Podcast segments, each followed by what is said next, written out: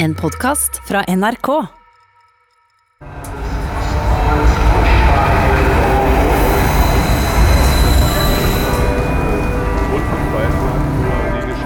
Berlin er en herlig, hektisk, multikulturell by. I museum i dag skal vi oppholde oss mye i den spennende metropolen. Berlin er en av de store byene i verden som har hatt størst økning i turismen de senere årene.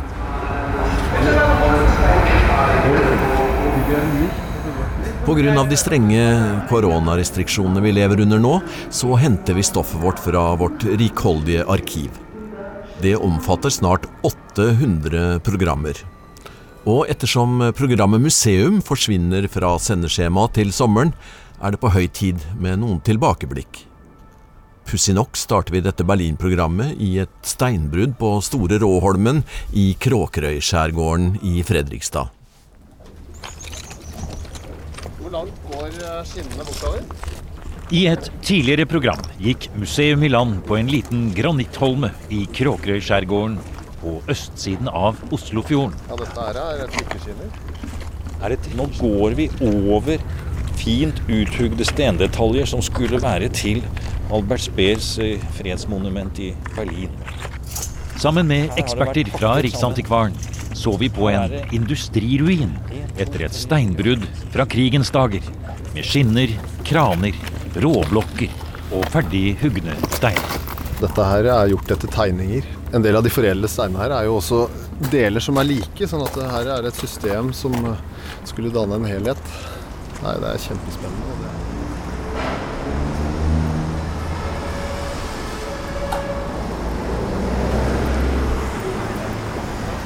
Nå står vi da like ved Brandenburger Tor. Egentlig den gamle byporten mot Brandenburg, men som var symbolet på Prøyserstaten. Og som senere ble symbolet på den kalde krigen. Og i dag er egentlig symbolet på avslutningen av den kalde krigen. Sammenvoksingen av øst og vest i Europa. Det er Sverre Jervel som tar imot oss i Berlin. Og det er her, sier den erfarne diplomaten fra Utenriksdepartementet, tidligere ministerråd ved den norske ambassaden i Berlin, og forfatter av boken 'Nordmenn i Berlin'. Det er her vi må starte letingen etter Welthauptstadt Germania, midt på 17. juni-gaten, som har fått sitt navn etter oppstanden i DDR. Og det er egentlig øst-vest-aksen i Albert Speers store plan for Germania. Så dette er, dette er, del av et stort, et helt gigantisk eh, prosjekt for å ombygge Berlin sentrum. Og Det er jo den dag i dag eh, nokså imponerende å stå her med store Eh, denne store søylen der nede, og da Brandenburger Tor på den andre siden. Og eh, Det er jo mange mange filer her, og vi kan stå nokså midt i gaten her nå fordi det er avsperret i forbindelse med feiringen av jubileet for murens fall. Eh, men allikevel, denne gaten her den ville jo bare blitt Ervel mot det vi skal se på i dag. I forhold til Germania så vil dette bare være et lite element i Germania. Byen som Albert Speer ville bygge i sentrum av Berlin.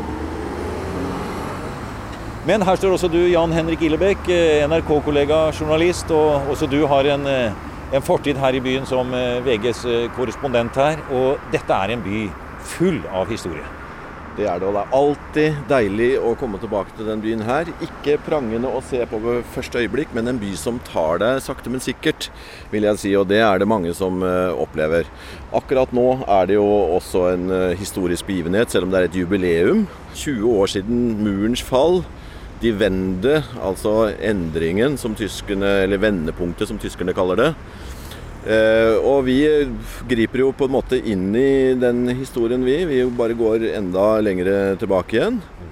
Det finnes en veldig spesiell forening her i byen som heter Berliner Unterwelten, og som egentlig tar seg av det som er under jorda. Kloakksystemer, har visninger, gassystemer viser dem fram. Men nå har de altså plukka fram modellen av eh, dette hysteriske, må vi nesten si, Germania-prosjektet.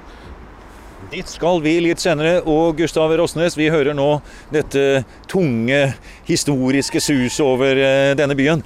Men eh, jeg må nesten si, eh, er det noen forbindelse mellom denne lille øya i Kråkerøskjærgården, eller Oslofjorden og granitten der, og det vi håper å si står midt oppi her nå? Man kan jo uh, undres om uh, de som sitter der nede med grindpølsene sine i sommeridyllen, om de er klar over de store linjene ut i verden. Fra uh, Råholmen og steinen der og til et uhyre dramatisk, blodig sluttoppgjør under andre verdenskrig, der storhetsvanviddet var manifestert i disse byggeprogrammene. Og ikke minst hvordan det ender i blodig, en blodig katastrofe der eh, som det betyr død og fordervelse for befolkningen, på bekostning av en gal diktator. Det går en slags eh, linje, kan man si, en historisk linje gjennom at man da i Oslofjordområdet skulle levere nær sagt råstoff i form av stein til disse byggeriene som ble planlagt her. Ja, det var uh, forutsetningen for det at i tillegg til byggekvalitetene har uh, solid stein, så var jo granitten òg uh, uttrykk for det bestandige for tusenårsriket som det ble fantasert av.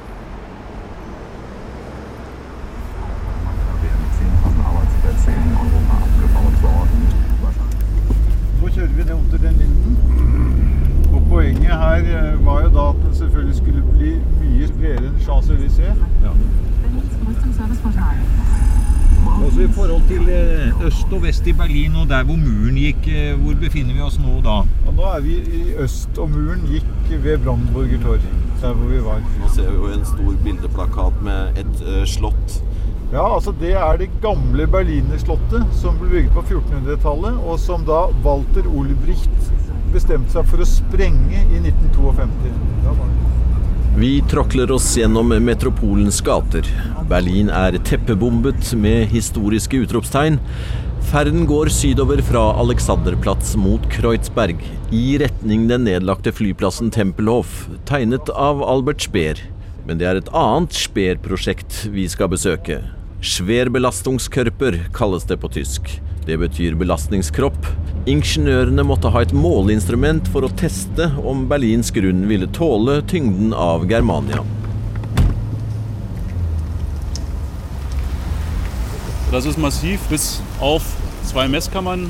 Also eine gibt's ebenengleiche im Erdgeschoss Arkitekt Mikael Richter i foreningen Berliner Unterwelten låser opp og slipper oss gjennom porten.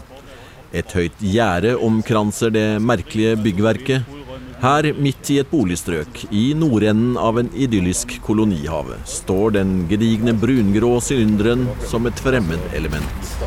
Und hier soll die Triumphbogen stehen. Ja, ähm, die ersten Pläne sahen vor, dass der Triumphbogen auf der Kreuzung zwischen der heutigen Dudenstraße Jo, det var her triumfbuen skulle stå, forteller Richter. Det planlagte byggverket skulle ha noen mål som nesten ikke er til å tro. 117 meter høy, 170 meter bred og 119 meter lang. Nesten to og en halv gang så stor som triumfbuen i Paris. 10 millioner kubikkmeter stein für Germania burde man altså Norwegen importert werden. Jervel viser fram bilder fra steinbruddet på Råholmen utenfor Fredrikstad. I steinhuggermiljøet var Hitlermonumentet et begrep, men om stein fra Norge skulle brukes i selve triumfbuen, er ikke dokumentert. Michael Richter kjenner heller ikke til om det er slik.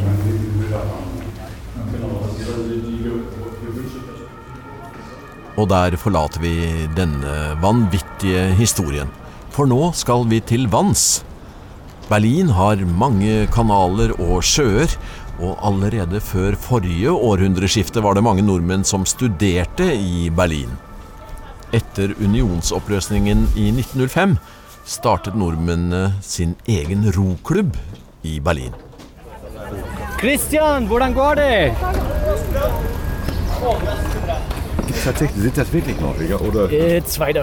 Er det virkelig nordmenn, spør den tyske turisten her vi står på broa over slusen ved Zoologisk hage i hjertet av Berlin.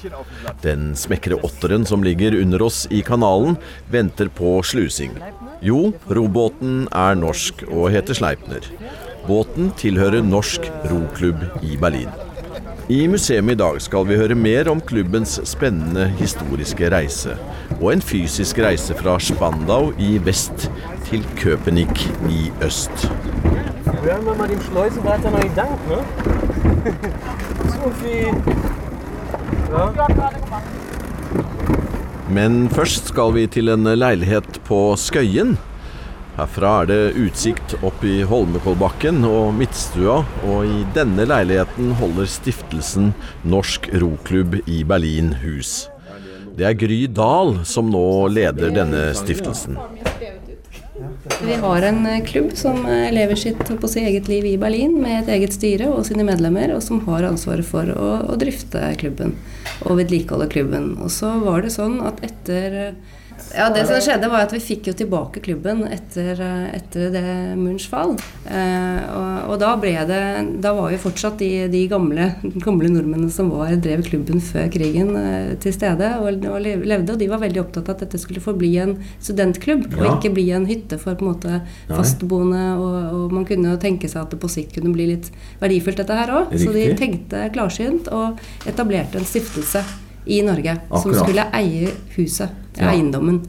Uh, og etablerte da et stiftelsesstyre i Norge. Uh, og, og, nå er det sånn at vi har da et styre, og, og det er ingen annen aktivitet enn at vi eier, eier og har ansvaret for, for, eiendommen, og passer på at klubben drives etter de, de, prinsippene som er satt, i henhold til den arven vi har tatt over, da. Du hører det er det mest tysk som snakkes. Altså fordi vi har jo en del medlemmer som ikke kan snakke norsk. I dag har vi noen flere gjester her ja. som hjelper oss, for vi har ikke nok folk. Norsktalende folk som sitter i båten, og for slik at alle kommer til å forstå, Nei. så må vi jo snakke tysk. Stefan Gamelin er historiker og skandinavist knyttet til Humboldt-universitetet i Berlin. Han er eh, medlem i eh, klubben, og også styremedlem. Og nå skal han være museumsguide med elsykkel langs kanalene der Sleipner skal ros. Før han selv skal ro andre etappe. Så dere kjemper med å holde den norske eh, andelen medlemmer ved like? Ja, det må vi bli bedre på. Ja. Men en fantastisk dag. Fortell hvor vi er nå. Vi er i Spandau. Eh, Heerstraße, Stösensee nærmere eh, bestemt, heter det her. Og det er vår vennskapsklubb. Ruderverein Berlin, RVB. Og det er sol. Det kan ikke bli bedre. Det er helt flott og stille på vannet. Og nå jobber mannskapet med alle sine Nå bæres eh, utstyret på plass nede i denne flotte, idylliske havna her. Ja, altså det startet uh, jo med at studentene Det var mye studenter i Berlin på den tiden. Ingeniører, arkitekter. Uh, og det som de uh, gjorde der nede, var å delta i en gymnastikkforening, turnforening, som var skandinavisk. Etter at Norge ble selvstendig i 1905, så syntes det ikke noe om å være sammen med svenskene, så de ville gjerne ha en egen klubb. Uh, og de kjøpte en robåt og begynte å ro uh, i Berlin. Uh, I 1910 ca. så sto huset ferdig, og da begynte klubblivet der nede.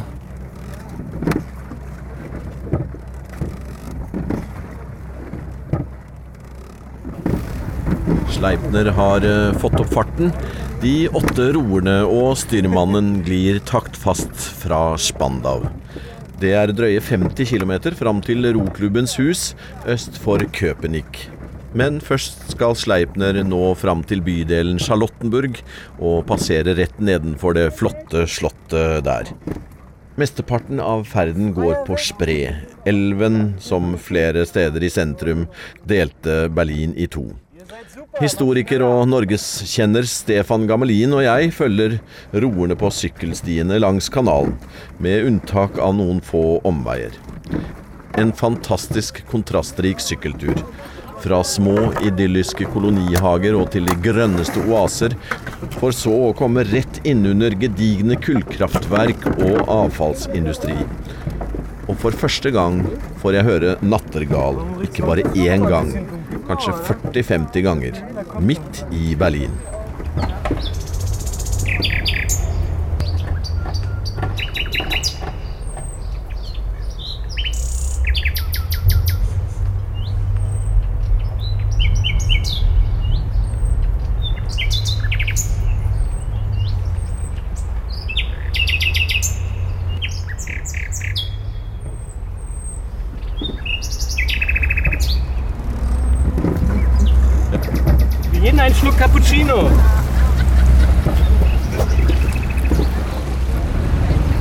eh, Charlottenburg ligger bakom oss. Og da fikk vi kaffe. Å, det var deilig. Nå er vi i et sånt fint kryss, men eh, hvor er vi nå? Vi er i krysningspunktet mellom elven Spree, som gjennomstrømmer Berlin, og eh, Charlottenburger Verbindungskanal, som leder oss videre til Landwehrkanal. Museum er i Berlin og på Skøyen. Det dreier seg om Norsk Roklubb i Berlin fra 1907. En klubb dannet i et oppvåknende fritt Norge, i en by, i et land hvor nordmenn hentet sin kunnskap, enten det var ingeniører, arkitekter, malere eller musikere. Det var i Tyskland de fikk sin utdannelse og hentet impulser. På tross av to verdenskriger og en lang, kald krig er roklubben intakt. Klubbhuset havnet på feil side etter krigen, altså i DDR, men ildsjeler som hadde vært med i klubben før krigen, de ga seg ikke. Er livets skole norske rokklubb i Berlin? Jeg vil si at det først og fremst var fordi at eh, medlemmene var veldig interessert i å, å eh, holde liv i den klubben. Og de klarte det litt med nød og neppe under den første verdenskrigen, hvor det var veldig tøffe tider i Berlin. Uh, og i andre verdenskrig så var det nordmenn, uh, klubbmedlemmer, i, uh, i, klubbhuset helt fram til ca. 44. da var det veldig vanskelig for den daværende formann, Kurt Wiik, å, å, å holde klubben han er sagt, for de klubbmedlemmene som var der. Mm. Uh, og han, også, han, ble også innkalt til, uh, til forhør av Gestapo ja. i 44, og det var veldig alvorlig. og etter det så, så, hadde ikke klubbmedlemmene tilgang til klubben lenger. Lettere ble det ikke da roklubbens eiendom i Köpenick havnet på DDR-siden. Det ble tatt i bruk av en forening i den østtyske jernbanen. Styret i roklubben eh, minnet både dem og DDR-regimet om at klubbhuset var deres eiendom, og etter at muren falt, fikk Norsk Roklubb i Berlin sitt klubbhus tilbake. Og nå er vi snart framme. Guten Tag, meine Damen und Herren. Ich bin Steuermann für die nächsten Kilometer und ich hoffe auf eine gemütliche, leistungsstarke, sportliche Fahrt, damit wir alle Wellen überwinden, die uns im Wege sind. Und in diesem Sinne, Ausgangsstellung. Und Ruhe. Hei, hei, Captain. Ja, nå kjører vi inn den siste, siste lille biten.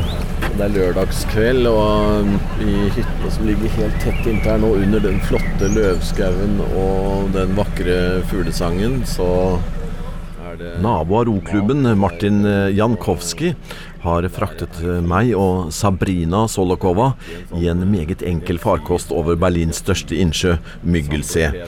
Og vi er nå straks framme ved klubbhuset, og sleipene ligger rett foran oss og manøvrerer inn de siste trange passasjene. Nei, det er enestående fint her, altså. Det er så flott.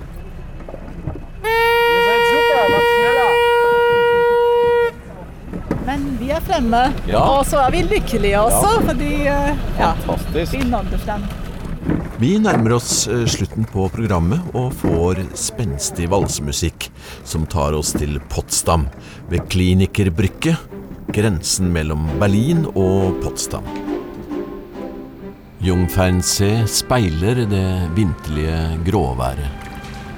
Gressklippere friserer hagene til de eksklusive villaene som ligger her i Svanenallé, et godt steinkast fra strandlinja. Nå kan vi så vidt skimte den berømte Glinikerbrygge.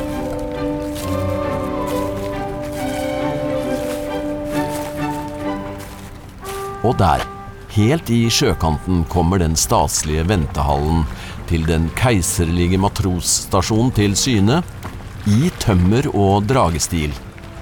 Som å se en kopi av Frognerseteren. Det er Kongsnes. De norvegiske visitenkartet in Potsdam, som potsdammerne kaller det. Så, så mer eller mindre skal det være i fremtiden en typisk norsk gård. Den historieinteresserte potsdammeren Folker Schneweis er synlig stolt. Bygget vi har eh, foran oss ble innviet i september 2019, og han er en sterkt medvirkende årsak til at det kunne skje. Sammen med en rekke andre tyske norgesvenner har han arbeidet i et par tiår for å gjenreise vente- eller ankomsthallen på Kongsnes. Det har han gjort fordi det er et viktig sted i tysk-norsk historie. Det er Europas siste keiser, Wilhelm 2., som etablerte Kongsnes her på grensen mellom Berlin og Potsdam fra 1891 til 1895. Vi skal senere høre mer om keiseren og hvorfor han etterlot seg et norsk avtrykk ved bredden av elva Havel. Nå står vi og ser eh, på Ventdalen som ligger så flott eh, til helt nede ved sjøkanten. Eh, typiske dragestilen. Det er den Norges historiske bidrag for den Potsdamer kulturlandskap. Det er jo arkitekt Munte som Holm Hansen Munte, Holm Hansen Munte. som har tegna dette. Og han har vel også tegna Er det Frogneseter? Ja, ja, ja. Og så har han tegna en, en restaurant i, som lå på Sankthanshaugen i Oslo, som Ja. heter Hasselbakken. Hasselbakken Og restaurant. Det vi ser nå, er faktisk eh. Tvillingsbygget. Tvillingsbygget, Eh, Og Hasselbakken brant i 1936. Hasselbakken brant ned i 1936 uh, pga. en kjøkkenbrann. Veldig enkelt. Ja, ikke så dramatisk som her. Ikke så dramatisk. Med bomber og granater. Nei, nei, nei. Ja.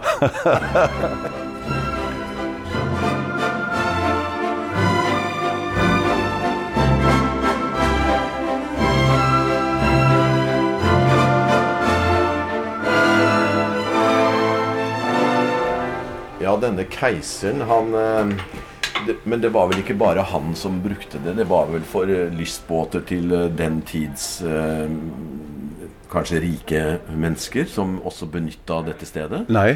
Nei. Det var bare han. Bare, bare han eh, sammen med eh, matroser fra Kiel, som var stasjonert her i matrosbolig, og de betjente den keiserlige båter. Eh, det var ikke for, for annen eh, folk. Nei. Stefan eh, Gammelien, du, det er jo du som kan keiser Wilhelm den andre historien. Eh, Du har jo en doktorgrad på det, faktisk. Kunne du gi oss et lite riss av hva, hva dette her er et resultat av, det vi nå står og, se, og ser på? Kongsnes, som eh, er ferdig og ligger eh, ved I Potsdam, ja. Eh, ja, det er ganske riktig. Vi ser eh, utsmykkingen her. Matrosstasjonen med, i dragestil, eh, med mannskapshus, båtshus og så videre. Eh, men matrosstasjonen er jo ferdig. Um, man kan jo spørre seg hvorfor fins det noe norsk her, her ved Potsdam. Og det kan jo forklares med keiser Wilhelm 2., som ville markere seg som Og eh, Tyskland i den tid, eh, 1870-årene og framover, med Tyskerrikets grunnleggelse, så kan vi jo betrakte det som et uttrykk for identitet. Urgermansk identitet, som Wilhelm var eh, ganske interessert i. Ville gjenskape noe. Eh, på den ene side var han veldig modern, på den andre eh, så hadde han en viss fascinasjon av det urgermanske, som han kalte det. Og da har vi jo visse likheter også med Norge. Altså skape identitet.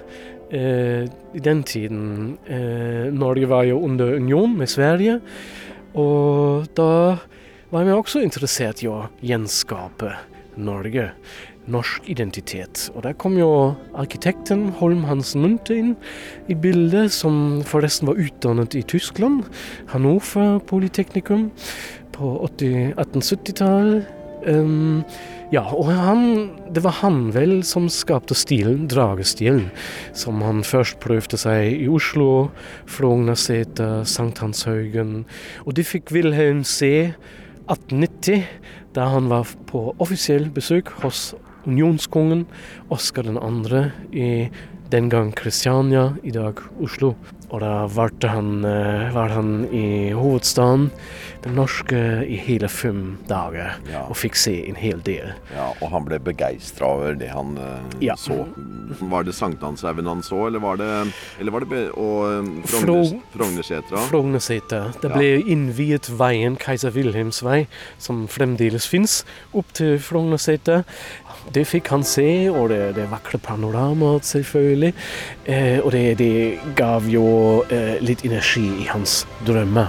Drømme om de vikinger, om det urgermanske, som han kalte det. Og så står det jo rett framfor ham. Og det ville han helst også ha. Du har hørt en podkast fra NRK. Hør flere podkaster og din NRK-kanal i appen NRK Radio.